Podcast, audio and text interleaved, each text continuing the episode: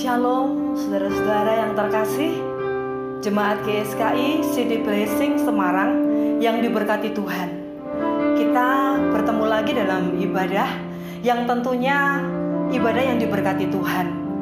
Saya rindu kembali kita masuk dalam hadirat Tuhan melalui pujian dan penyembahan.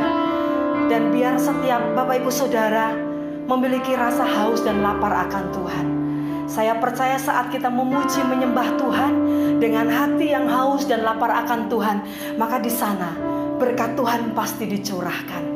Mari kita akan memuji, menyembah Tuhan dengan segenap hati kita. Seperti Yesus. Terima kasih Tuhan. Kami mau menjadi sepertimu Yesus. Terus ubahkan hati kami menjadi seperti hatimu Tuhan.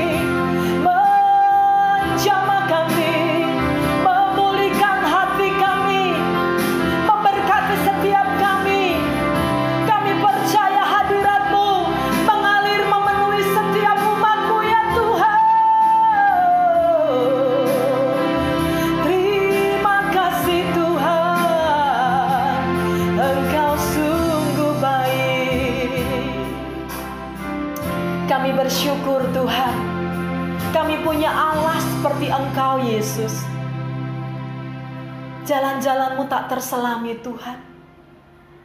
Rancanganmu penuh damai. Sekalipun saat ini kami diperhadapkan dengan banyak pergumulan. Tetapi kami percaya Tuhan, Engkau memberikan kami damai sejahtera. Dan jalan-jalanmu adalah jalan-jalan yang terbaik dan mendatangkan berkat buat setiap kami. Terima kasih Tuhan. Terima kasih Tuhan. Mari katakan bersama, jalanmu tak terselami oleh setiap hati kami. Namun satu hal ku percaya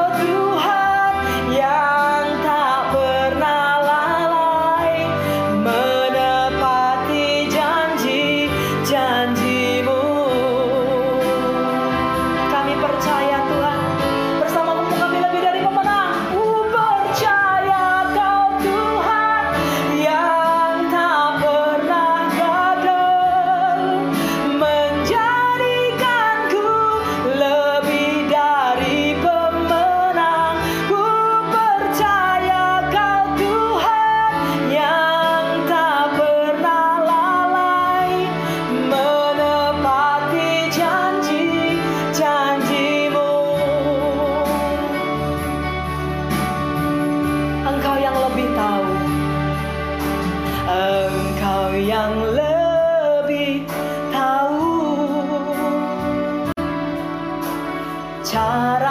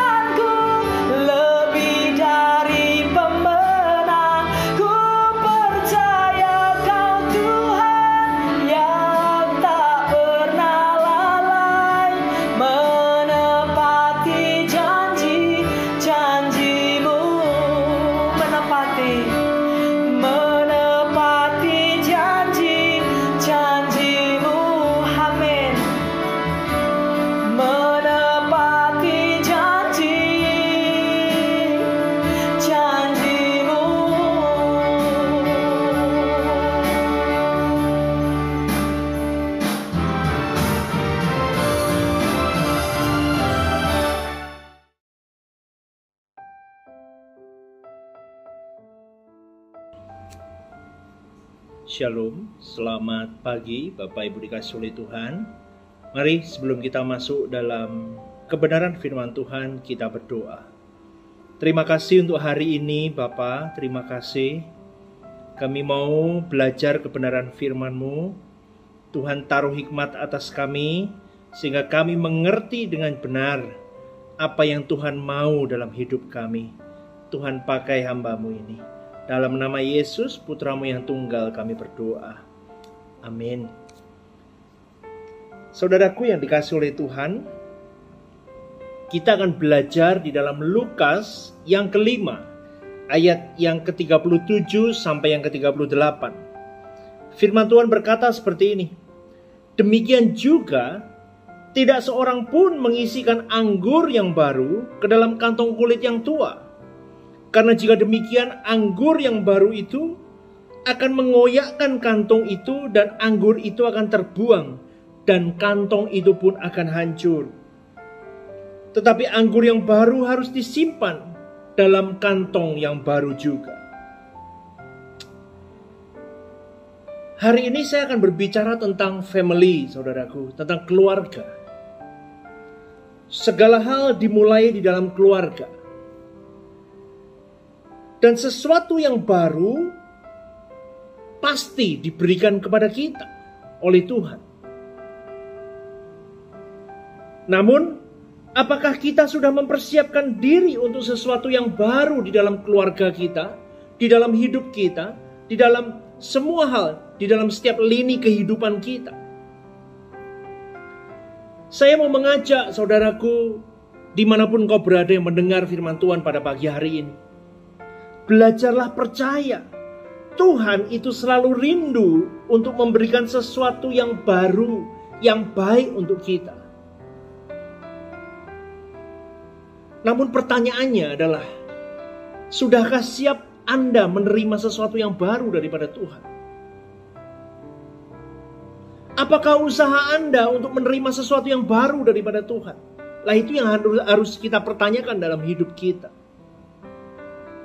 Jika Anda e, merindukan sebuah pemulihan di dalam hidupmu, di dalam keluargamu, apa yang sudah Anda lakukan untuk terjadi pemulihan tersebut di dalam hidup Anda, di dalam hidup keluarga Anda?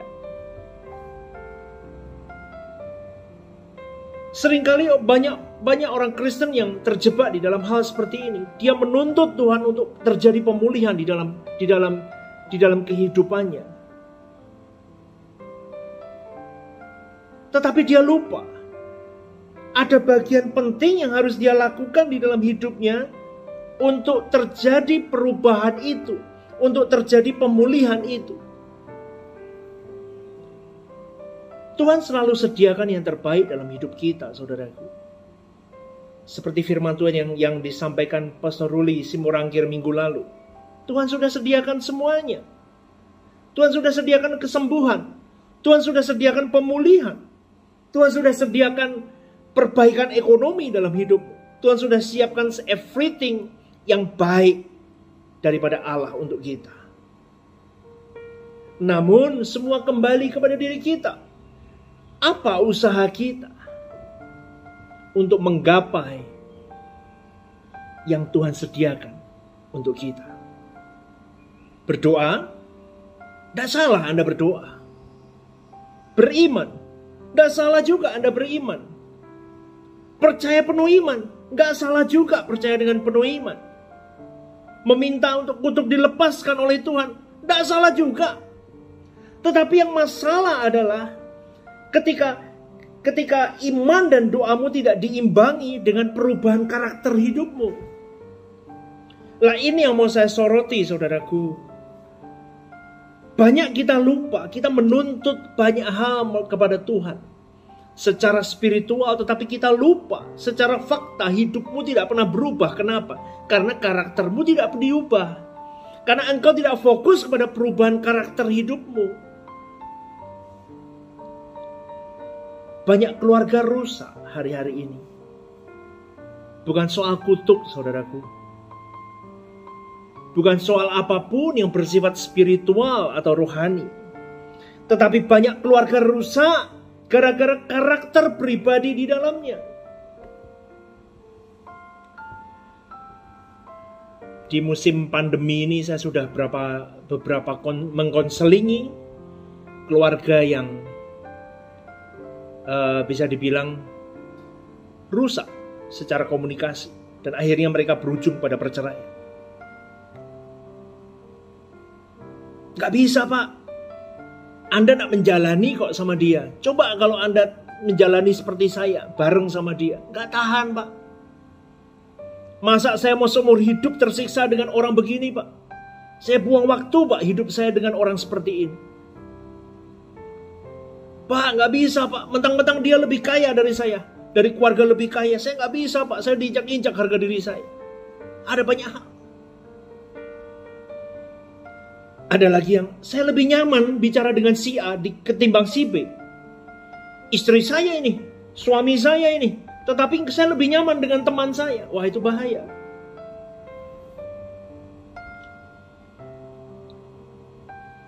Kenapa? Kenapa banyak keluarga rusak? Yaitu karena karaktermu tidak pernah dicek. Kita lupa mengecek karakter kita. Ini yang pertama, sering kali terjadi karakter yang bermasalah. Yang kedua, banyak keluarga rusak karena rusaknya komunikasi antar anggota keluarga. Hidup ini butuh komunikasi karena kita makhluk sosial, saudaraku. Dan pernikahan,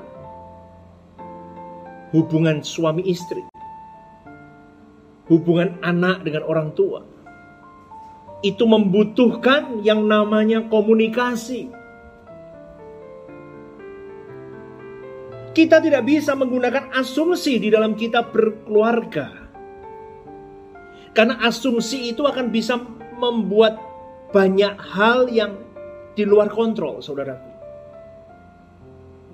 Si A melakukan ini kalau Anda tidak berkomunikasi dengan baik, Anda hanya berasumsi, ah itu akan terjadi keributan. Berapa banyak keluarga rusak karena komunikasi yang hilang? Berapa banyak keluarga rusak karena komunikasimu salah? Berkomunikasilah dengan baik kepada pasanganmu, kepada anakmu. Belajar menghormati mereka. Banyak suami merasa tidak dihargai melalui komunikasi istrinya. Banyak istri merasa tidak didengarkan melalui melalui ketimpangan komunikasi dengan suaminya. Dan itu menjadi celah untuk iblis untuk bisa masuk orang ketiga di dalam hubungan keluarga.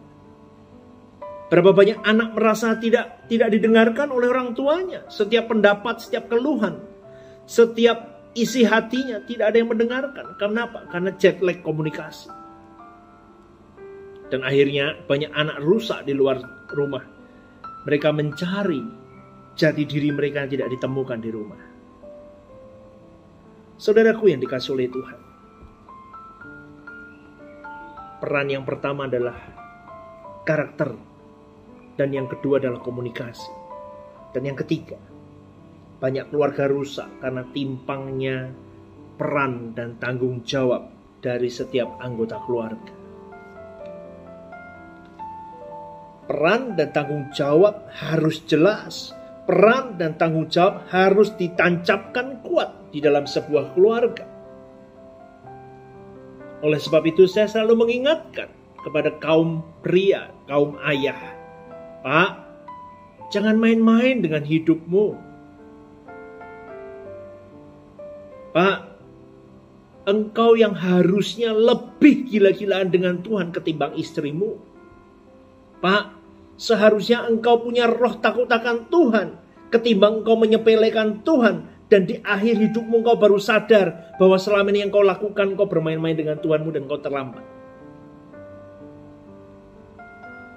peranmu, tanggung jawabmu sebagai seorang imam itu sangat berperan penting di dalam yang namanya sebuah keluarga Kristen. Tidak hanya soal mencari nafkah. Zaman sekarang tidak masalah. Jika istrinya lebih maju dari suaminya pun di dalam bidang pekerjaan, it's okay, tidak masalah. Karena keluarga itu saling menopang, saling menutup, dan saling melengkapi. Tetapi perihal rohani, ayah menjadi imam itu mutlak, tidak bisa digantikan.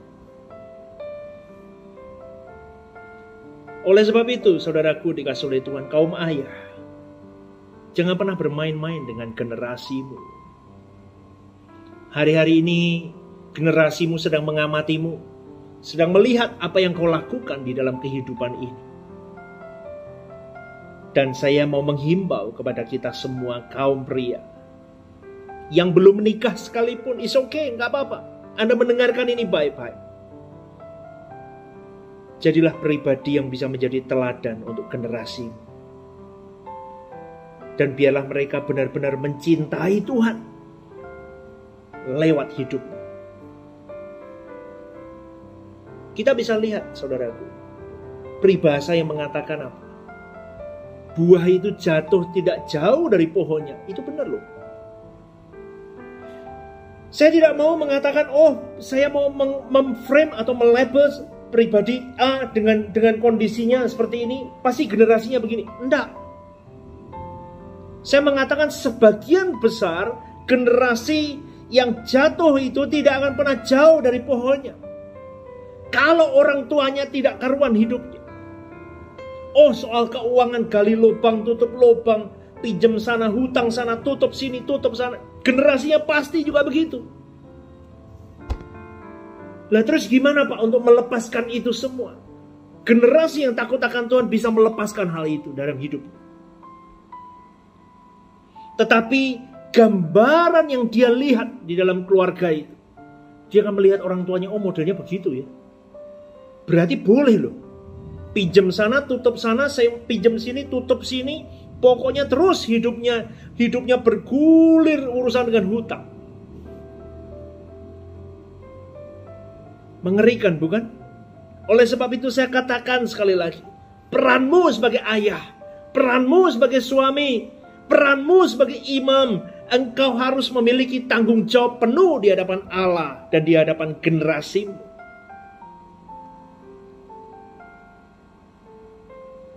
Apalagi hal kekudusan, saudaraku. Hai kaum pria, ingat baik-baik hal kekudusan. Kau harus jaga. Kau harus jaga hal kekudusan di dalam hidupmu dengan sungguh-sungguh.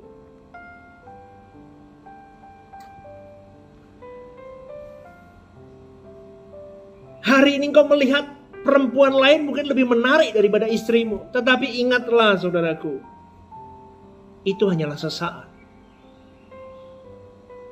Yang terbaik sudah Tuhan titipkan dalam hidup kita, istri kita.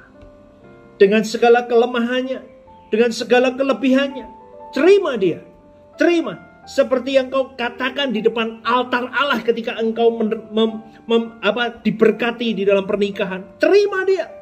Meskipun kau sudah menikah puluhan tahun, 10 tahun, 20 tahun, 50 tahun sekalipun, terima dia dan tidak ada alasan hari ini kau mengatakan aku nggak cocok sama si A.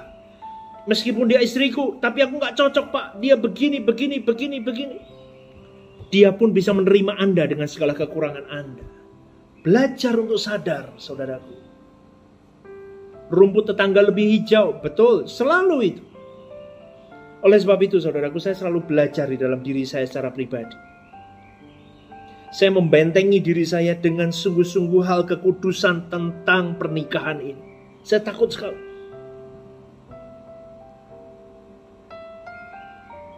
Tidak ada manusia yang sempurna, tidak ada pernikahan yang sempurna. Setuju ya? Tidak ada pernikahan yang sempurna, yang yang sempurna hanyalah Allah. Tetapi pernikahan itu bisa sempurna ketika kita membawa Allah masuk di dalam pernikahan kita dengan segala kekurangan, dengan segala apa yang terjadi di dalam pernikahan kita. Kita belajar untuk berterima kasih kepada Tuhan. Terima kasih Tuhan, aku mempunyai pasangan yang kau titipkan dalam hidupku. Dengan segala kekurangannya, saya percaya Tuhan memproses hidupku dan hidupnya untuk kita bisa saling bersama sampai maut memisahkan. Bapak-bapak, di mana pun kau berada, Yuk, mulai hari ini kita beri peran kita yang benar di hadapan Allah dan generasi kita sebagai tanggung jawab kita sebagai imam keluarga. Bagaimana dengan seorang ayah yang malas-malasan ke gereja? Bagaimana dengan seorang ayah yang malas-malasan berhubungan intim dengan Tuhan? Cilaka saudaraku. Mau dibawa mana generasi itu? Mau dibawa mana keluarga itu? Itu bahaya sekali. Makanya saya selalu heran dengan keluarga-keluarga yang maminya lebih, istrinya lebih gila-gilaan sama Tuhan. Papinya nggak usah ada, titip aja sama maminya ke gereja. Titip berkat ya. Sadar pak, Anda itu yang harusnya begitu. Tanggung jawabnya harusnya Anda, bukan istri Anda. Jangan di penghujung maut. Detik-detik kematianmu, kau baru menyesali semuanya. Saudaraku yang dikasih oleh Tuhan, kalau kita belajar tentang karakter, karakter itu sesuatu hal bawaan, Pak, nggak bisa dirubah, Pak. Siapa bilang? Karakternya suka marah, karakternya cerewet, karakternya pelit, karakternya cemburuan, karakternya kepo, pengen tahu urusan orang, karakternya OCD lah, terlalu bersih lah, nggak boleh ini, nggak boleh itu, ngatur lah dan sebagainya. Banyak karakter manusia di muka bumi ini. Karakter itu adalah sifat batin yang mempengaruhi segenap pikiran perilaku, budi pekerti, dan tabiat yang dimiliki oleh manusia dan makhluk hidup lain. Karakter itu terbentuk dari apa, saudaraku? Dari hal, -hal kecil yang dilakukan terus-menerus. Menjadi kebiasaan. Dari kebiasaan itu lama-kelamaan menjadi yang namanya karakter dalam diri kita. Loh Pak, tapi kan susah Pak untuk mengubah karakter seseorang benar. Susah. Gak gampang. Apalagi orang itu sudah berusia. Wah, tidak gampang sekali. Susah. Kita punya, misalnya saya punya dua, dua orang anak. Anak yang, yang besar dengan anak yang kecil memiliki karakter yang berbeda. Padahal lahir dari seorang ibu yang sama. Benih dari ayah yang sama. Tetapi mempunyai dua karakter yang berbeda. Apakah mudah? meskipun dia masih anak kecil kita mengubah karakternya tidak mudah juga. Butuh perjuangan, butuh komitmen kita berdua suami istri untuk mengubah karakter dari seorang anak. Apalagi orang tua yang sudah mendarah daging karakter itu. Namun saudaraku yang dikasih oleh Tuhan, yang bisa mengubah karakter itu hanyalah diri kita sendiri. Kita harus memiliki kemauan, keinginan, tekad untuk serupa seperti Yesus dalam hidup kita. Aku mau terus berjuang Tuhan. Katakan kepada Tuhan dengan segenap dirimu. Katakan aku mau berjuang, aku mau berubah. Ini loh mulutku yang suka suka apa nyelotehin suamiku. Ini loh mulutku yang suka apa rasanya merendahkan suamiku atau merendahkan istriku, merendahkan pasanganku, merendahkan anakku. Ini loh tangan yang suka menampar anakku, karakternya suka mukul atau banyak hal. Bisa nggak diubahkan? Bisa saudaraku. Minta roh kudus. Kita buka hati kita, kita minta roh kudus turun dalam hidup kita. Tuhan aku minta diubahkan. Aku mau seperti Yesus yang penuh dengan kasih. Pak gampang Pak ngomong kalau kalau kalau apa kasih prakteknya susah Pak. Apalagi suamiku atau istriku dia pernah mengkhianati aku, Pak. Bagaimana aku bisa kembali mengasihi dia dengan murni? Itu tidak gampang, memang. Itu case yang susah. Tetapi saya percaya, saudaraku. Di dalam hati yang mau mengampuni. Di dalam kasih yang daripada Tuhan Roh Kudus titipkan dalam hidup kita. Dan Roh Kudus memampukan kita untuk melakukan hal itu. Yang tidak mungkin bisa mungkin di dalam Tuhan. Dan bagaimana kita belajar untuk berkomunikasi dengan baik kepada pasangan kita. Di dalam keluarga ini kita butuh komunikasi yang baik, saudaraku. Semua unsur di dalam keluarga ini tidak boleh ada yang macet. Kalau ada yang macet di dalamnya, kita harus segera membereskannya. Contoh nih, kita kalau ada masalah dengan dengan dengan Maaf ya, ini kita bahas hubungan suami istri. Bahaslah itu dengan benar dengan pasanganmu. Aku ada masalah ini, bicarakan dengan baik-baik. Kenapa? Jangan dipendam. Dipendam satu sisi suatu saat pasti meledak dan itu akan berbahaya, saudaraku. Hubungan apa masalah apa? Masalah keuangan harus terbuka ngomong jelas dengan pasangan kita. Pasangan kita bukan boneka pajangan di rumah Pokoknya tahu beres deh. Oh nggak bisa. Tuhan titipkan pasangan kita menjadi partner di dalam hidup kita berkeluarga. Berpikir bersama, merencanakan bersama bagaimana baiknya ya kalau masalah keuangan ini begini. Komunikasi itu bisa melalui surprise.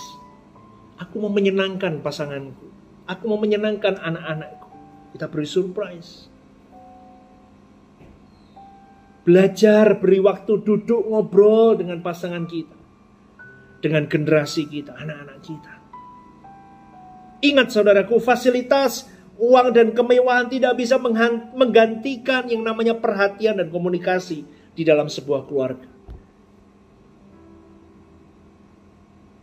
Berapa banyak anak orang kaya yang tidak pernah kekurangan, bahkan berlebih secara materi, fasilitas semua berlimpah tetapi mereka merasa kering. Kenapa? Karena orang tuanya sibuk.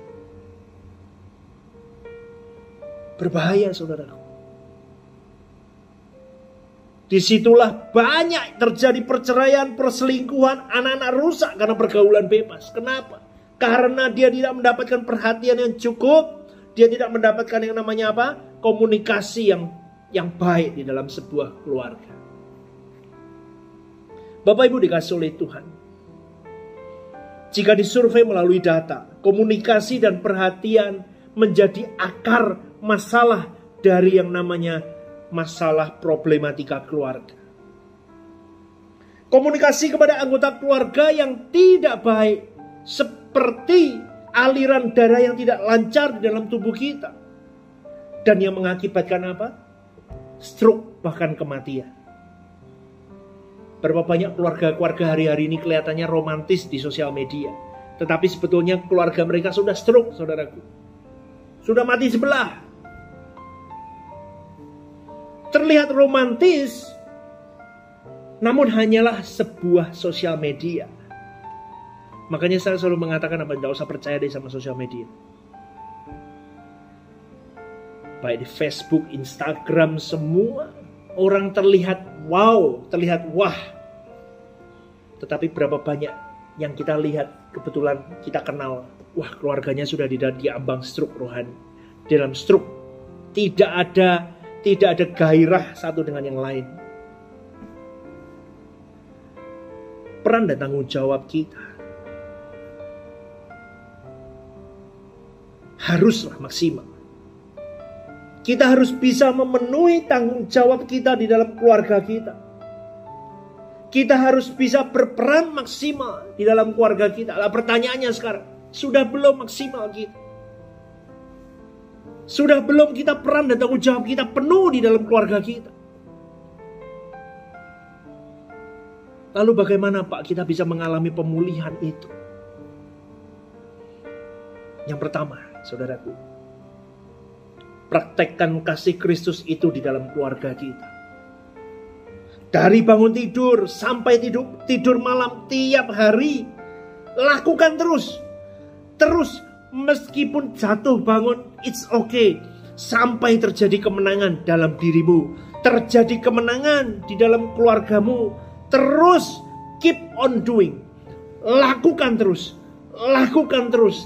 Hari ini kau gagal, bangkit lagi gagal lagi, bangkit lagi sampai kasih Allah begitu memenuhi hidupmu dan sampai engkau tidak ada tidak ada feeling bahwa engkau engkau bisa merasakan sakit hati atau apa pun atau marah.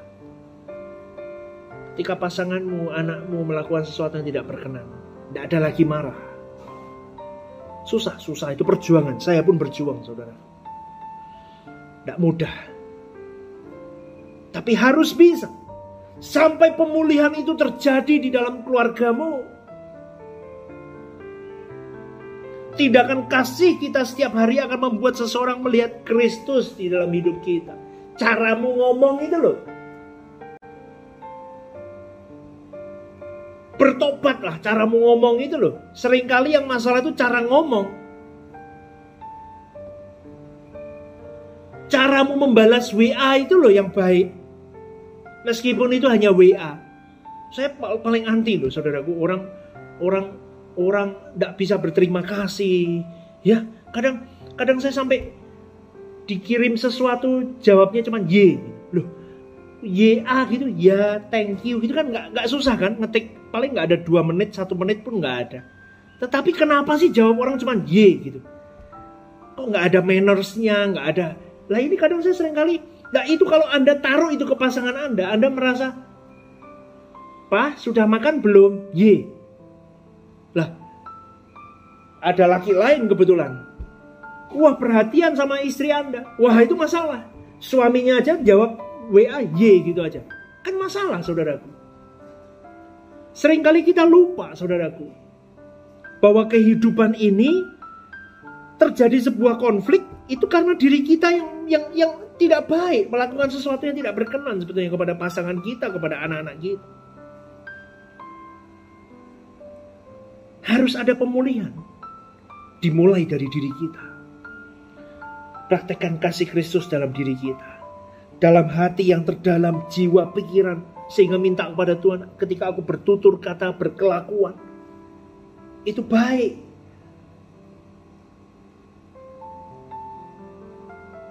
Keluarga itu bisa keluarga keluarga rohani pun juga sama. Kadang konflik di dalam keluarga rohani itu juga begitu saudara apa sih susahnya thank you terima kasih Kan nggak susah kan. Tetapi kenapa kok sampai harus diingatkan? Nah itu yang menjadi masalah. Aduh saudaraku, hari-hari ini begitu mengerikan kalau saya lihat. Cara manusia mentrit orang lain itu pun juga memprihatinkan. Kita mau belajar praktek kasih, tapi kadang sering kali kita dibenturkan dengan orang-orang yang memang sering kali kalau dunia katakan orang kayak begini kok dikasih toh pak. Ini orang nggak tahu diri pak. Saya tahu, saya tahu. Saya pun jengkel lihat orang-orang seperti itu. Tapi, tapi kita harus bisa. Kita harus bisa saudaraku praktekkan every time kasih itu. Susah ya susah. Berat-berat sekali, bercucur air mata. Tidak gampang kok. Saya khotbah begini pun saya juga juga tidak ngomong gampang kok. Saya pun tetap berjuang, masih berjuang. Jatuh bangun juga saya. Ya, belajar ya, praktekkan Kristus dalam keluarga kita. Amin, amin. Kalau kalau Anda dan saya, suamimu, istrimu, anak-anakmu mempraktekkan semua kasih ini, saya kira nggak ada kok perceraian. Saya kira nggak ada kok selingkuh. Saya kira nggak ada kok yang namanya anak sampai rusak di luar sana, di luar rumah. Enggak kok. Karena dia kenyang dengan perhatian. Suamimu kenyang dengan kasih sayang. Istrimu kenyang dengan kasih sayang. Bukan cemoohan. Bukan merendahkan. Seringkali loh, bener loh. Saya lihat sendiri kok dengan mata saya sendiri. Istrinya nih kok nggak punya kasih ya sama suaminya. Suaminya mau bertumbuh di pal terus. Seakan-akan Allah kamu melakukan ini kok gini kok gitu. Nggak bisa loh saudaraku. Kita harus yuk respect pasanganmu, hargai. Meskipun Anda tahu dia masih jatuh di bidang itu. Loh hari ini kalau istri saya mendengar khotbah saya pun dia kan kalau dia bukan istri yang baik, dia bisa ngomong, ah kamu ngomong, kamu masih jatuh di satu, dua, tiga. Dia pasti bisa menghitung loh. Tetapi sebagai seorang istri yang baik, istri saya kebetulan begitu mensupport saya. Dia tahu di mana kelemahan saya. Dan dia membantu saya untuk terus saya bisa bangkit. Saya bisa maju dan sampai di titik saya menang.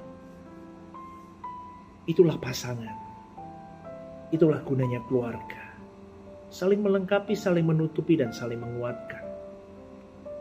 Poin yang kedua, bagaimana kita bisa mengalami pemulihan di dalam keluarga. Pak Bu, yang kedua, terima keluargamu apa adanya. Tidak ada keluarga yang sempurna. Tidak ada anggota keluarga suami, istri, ayah, ibu Anda yang sempurna. Bahkan anak Anda yang sempurna tidak ada. Jadi jangan pernah menuntut pasanganmu, anakmu, orang tuamu untuk sempurna. tetapi tuntutlah dirimu sendiri semakin sempurna seperti Yesus. Teladan hidup kita. Anda aja tidak sempurna kok penuntut pasanganmu sempurna. Kalau Anda sadar Anda sendiri tidak pernah bisa menjadi pribadi yang sempurna tanpa Tuhan. Ajarkan dirimu terlebih dahulu bersama dengan Tuhan untuk terus menjadi sempurna dan tularkan itu kepada anggota keluargamu, keluarga jasmanimu maupun keluarga rohanimu untuk terus hidup sempurna seperti apa yang kau perjuangkan dalam hidup ini. Anda dan saya tidak pernah memilih kita lahir dari keluarga mana. Aku mau keluarga ini pak, keluarga nggak bisa. Kita lahir atas kehendak Tuhan. Kita lahir karena anugerah Tuhan kita lahir ditempatkan di keluarga saat ini, itu semua adalah anugerah dan destiny Tuhan atas hidupmu dan hidupku. Kita nggak bisa memilih itu. Oleh sebab itu, terimalah keluargamu apa adanya. Pak, Bu, terima keluargamu apa adanya. Tindakan yang menunjukkan bahwa kita bersyukur dan setuju dengan rencana Allah dalam hidup kita yaitu apa? Terima keluargamu apa adanya. Yuk belajar yuk. Bersyukur aja dengan hidup ini. Apa sih yang kita kejar dalam dunia ini? Kekayaan? Ketenaran? Popularitas? Semuanya hanyalah sementara. Semua sementara. Semua akan lenggang oleh waktu. Dan kita kejar semuanya itu dengan segala kegudah gulanaan hati dan tidak bersyukur di hadapan Tuhan dengan apa yang kita miliki dalam hidup ini. Itu sebuah kebodohan. Namun terima keadaan kita apa adanya. Dan bersyukur. Dan percayalah saudara kasih Allah itu penyertaannya setiap jengkah langkah hidup kita itu ada sungguh dalam hidup kita. Harta tidak pernah memuaskan dahaga kita. Kekayaan, ketenaran, semuanya tidak pernah memuaskan dahaga manusia. Hanya Allah jawabannya yang bisa memuaskan dan mengenyangkan kita. Sampai di titik di mana kita tidak lagi mencari yang lain selain Allah dalam hidup ini. Poin yang terakhir, saudaraku. Bagaimana kita bisa mengalami pemulihan di dalam keluarga. Buka pintu maaf dan ampunilah. Itu perintah Tuhan. Ampuni. Berapa kali? Tuhan, tujuh kali enggak. Tujuh puluh kali tujuh. Artinya apa? Teruslah mengampuni. Artinya apa, Pak? Teruslah mengampuni. Susah pak, terus mengampuni. Tidak bisa pak, harus bisa engkau mengampuni. Saya tidak mau pak, itu perintah Tuhan engkau harus mengampuni. Pasanganmu sudah berbuat curang atas hidupmu. Anak-anakmu kurang ajar atas hidupmu. Katakan dalam dirimu, aku mengampunimu. Aku mau menyelesaikan itu di hadapan Tuhan. Dan belajarlah berdiri dengan iman. Diliputi dengan kasih Allah dan kau bisa membalut luka orang itu. Meskipun dia sudah menyakiti, balut dia, peluk dia, bawa mereka kembali di hadapan Tuhan. Berdoa tanpa mengampuni, saudara. Sama halnya Anda melemparkan garam ke dalam lautan. Sia-sia. Dan tidak ada gunanya Anda berdoa. Anda menangis, merengek. Berdoa puasa berbahasa roh dan sebagainya. Dan monggo silakan. Untuk pemulihan keluarga silakan. Tetapi saya katakan tanpa pengampunan, tanpa tindakan, tanpa perubahan karakter, tanpa engkau do something untuk untuk keluargamu. Engkau seakan-akan melemparkan garam ke dalam lautan. Loh Pak Simon berarti ini dong. Merendahkan kuasa doa. Saya tidak mengatakan merendahkan kuasa doa. Saya belajar melengkapi apa yang Tuhan katakan, menggenapinya, berdoa dan berusaha Saya tetap berdoa kepada Tuhan. Tetapi saya berusaha sedaya upaya untuk saya membenahi hidup saya terlebih dahulu. Membenahi komunikasi saya dengan keluarga. Membenahi karakter saya kepada keluarga saya. Membenahi karakter diri. Membenahi hati saya di hadapan Tuhan dan sesama. Sudahkah aku bisa mengampuni orang yang menyakiti aku? Selama dirimu belum bisa menyakiti, belum bisa mengampuni orang yang menyakitimu, engkau akan berada di dalam namanya lingkup kepahitan dan ketika engkau masih terbelenggu dengan kepahitan saudaraku. Semua perbendaraan katamu hanyalah sesuatu yang sakit. Yang menyakiti orang lain. Yang menyakitkan. Bahkan melukai pasangan dan generasimu. Dan tidak semua orang bisa menerima itu. Hari demi hari engkau hantam dengan sesuatu yang menyakitkan. Kau hantam pasanganmu dengan sesuatu yang menyakitkan terus. Terus satu tahun, dua tahun, lima tahun, sepuluh tahun. Sampai ada saatnya meledak dan terjadilah sesuatu dalam keluargamu, engkau baru menyesal. Doa cukup? Tidak cukup. Kau harus do something. Action. Segala sesuatu yang kau butuh action untuk membenahi kehidupan kita masing-masing. Suami istri punya peran masing-masing. Suami istri anak-anak memiliki peran masing-masing. Dan semua perannya bergantung satu dengan yang lain. Sehingga jika ada satu keluarga sakit, belajar satu keluarga introspeksi diri. Tidak ada satu oknum yang salah. Pasti semuanya terlibat di dalam sesuatu yang bermasalah di dalam satu dengan yang lain. Bapak Ibu dikasih oleh Tuhan. Saya tutup dengan Markus 11 ayat 25. Firman Tuhan berkata seperti ini. Dan jika kamu berdiri untuk berdoa, ampunilah dahulu sekiranya ada barang sesuatu dalam hatimu terhadap seseorang supaya juga Bapamu yang di surga mengampuni kesalahan-kesalahanmu. Tetapi jika kamu tidak mengampuni, maka Bapamu di surga juga tidak akan mengampuni kesalahan-kesalahan. Sekali lagi, jika engkau tidak bisa mengampuni pasanganmu, engkau tidak bisa mengampuni generasi anak-anakmu, doamu tidak pernah bisa sampai kepada Bapa alias doamu terhalang. Saya percaya Bapak Ibu yang mendengar firman Tuhan pada pagi hari ini. Apa pun problematika keluargamu, apa pun permasalahan hidup di dalam family yuk benahi diri. Dimulai dari diri kita. Do action. Lakukan sesuatu. Dan berdoalah kepada Tuhan. Minta tuntunan roh kudus untuk beri hikmat, beri kekuatan, Beri kemampuan untuk mengampuni, untuk menjalankan segala sesuatunya dengan baik. Sampai di titik kita menang, kita bangkit, kita menang, keluarga kita dimenangkan, keluarga kita dipulihkan, dan Tuhan disenangkan dengan keluarga kita. Mari kita tundukkan kepala kita. Oh haleluya Jesus. Terima kasih Tuhan. Bapak Ibu dikasih oleh Tuhan, sebentar kita akan menikmati tubuh dan darah Kristus. Pada pagi hari ini saya mengajak Bapak dan Ibu untuk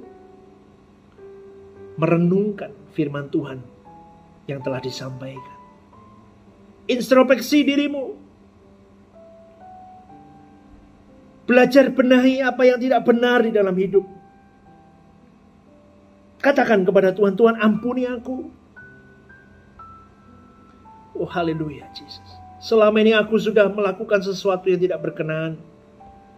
Komunikasiku tidak baik, cara bertutur kataku tidak baik. Aku kasar kepada kepada pasanganku. Ampuni aku Tuhan. Aku mau belajar menjadi pribadi yang benar dan aku mau memulihkan keluargaku dan generasi. Pakai aku Tuhan menjadi pribadi yang tepat di hadapan Allah. Pakai aku Tuhan menjadi pribadi yang sungguh-sungguh menyenangkan hati Tuhan di dalam setiap keadaan hidupku. Renungkan ini saudaraku, renungkan. Saya beri waktu Bapak Ibu mempersiapkan roti atau kue atau apa pun dengan teh atau anggur atau apa pun yang bisa untuk persiapan untuk perjamuan pada pagi hari ini. Bagi yang sudah menyiapkan, tutup matamu dan berdoalah kepada Tuhan. Oh haleluya Jesus. Katakan terima kasih Tuhan untuk hidupku. Oh haleluya Jesus. Terima kasih Tuhan, terima kasih. Bapak Ibu dikasih oleh Tuhan. Angkat roti ini di tangan kanan kita. Kita mau persiapkan perjamuan kudus kita pada pagi hari ini. Haleluya Jesus. Firman Tuhan berkata, sebab apa yang telah kuteruskan kepadamu telah aku terima dari Tuhan. Yaitu bahwa Tuhan Yesus pada malam waktu ia diserahkan, mengambil roti dan sesudah itu ia mengucap syukur atasnya berkata, Inilah tubuhku yang diserahkan bagi kamu. Perbuatlah ini menjadi peringatan akan aku. Haleluya. Apakah Bapak Ibu dan saudara-saudari percaya bahwa roti ini menunjuk kepada tubuh Yesus yang telah dipecah-pecahkan bagi kita, makanlah di dalam nama Tuhan Yesus Kristus.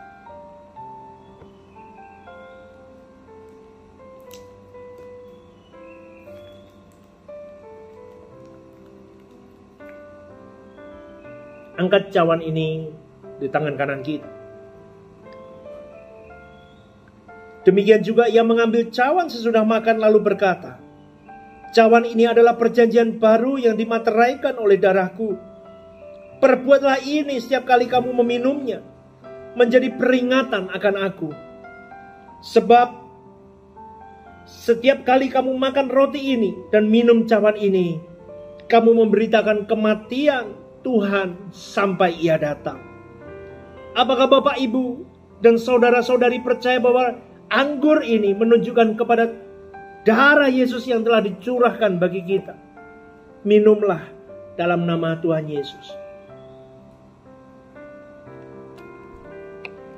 Tutup matamu dan katakan terima kasih Tuhan. Thank you Jesus. Terima kasih Allahku. Untuk tubuh dan darahmu yang telah tercurah untuk kami semua.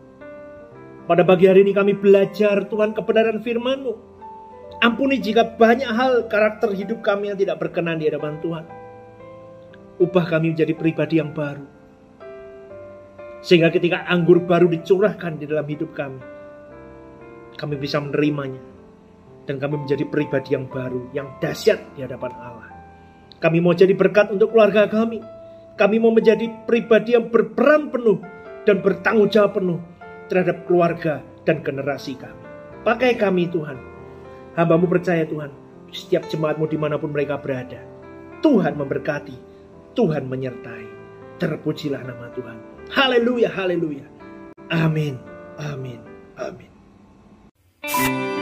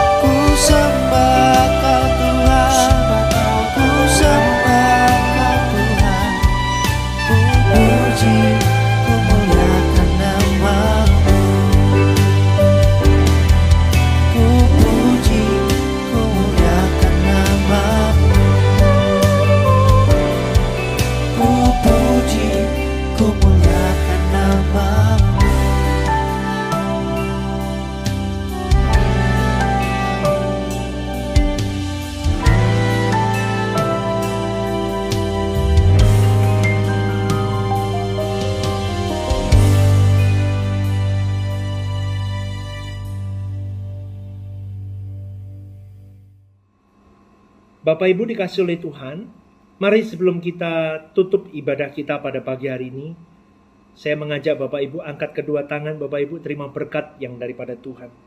Oh haleluya Jesus. Kiranya berkat dari Allah Bapa, kasih sayang dari Tuhan Yesus Kristus dalam persekutuan Roh Kudus menyertai kita semua hari ini sampai selama-lamanya. Semua yang percaya katakan amin. Amin. Amin. Haleluya.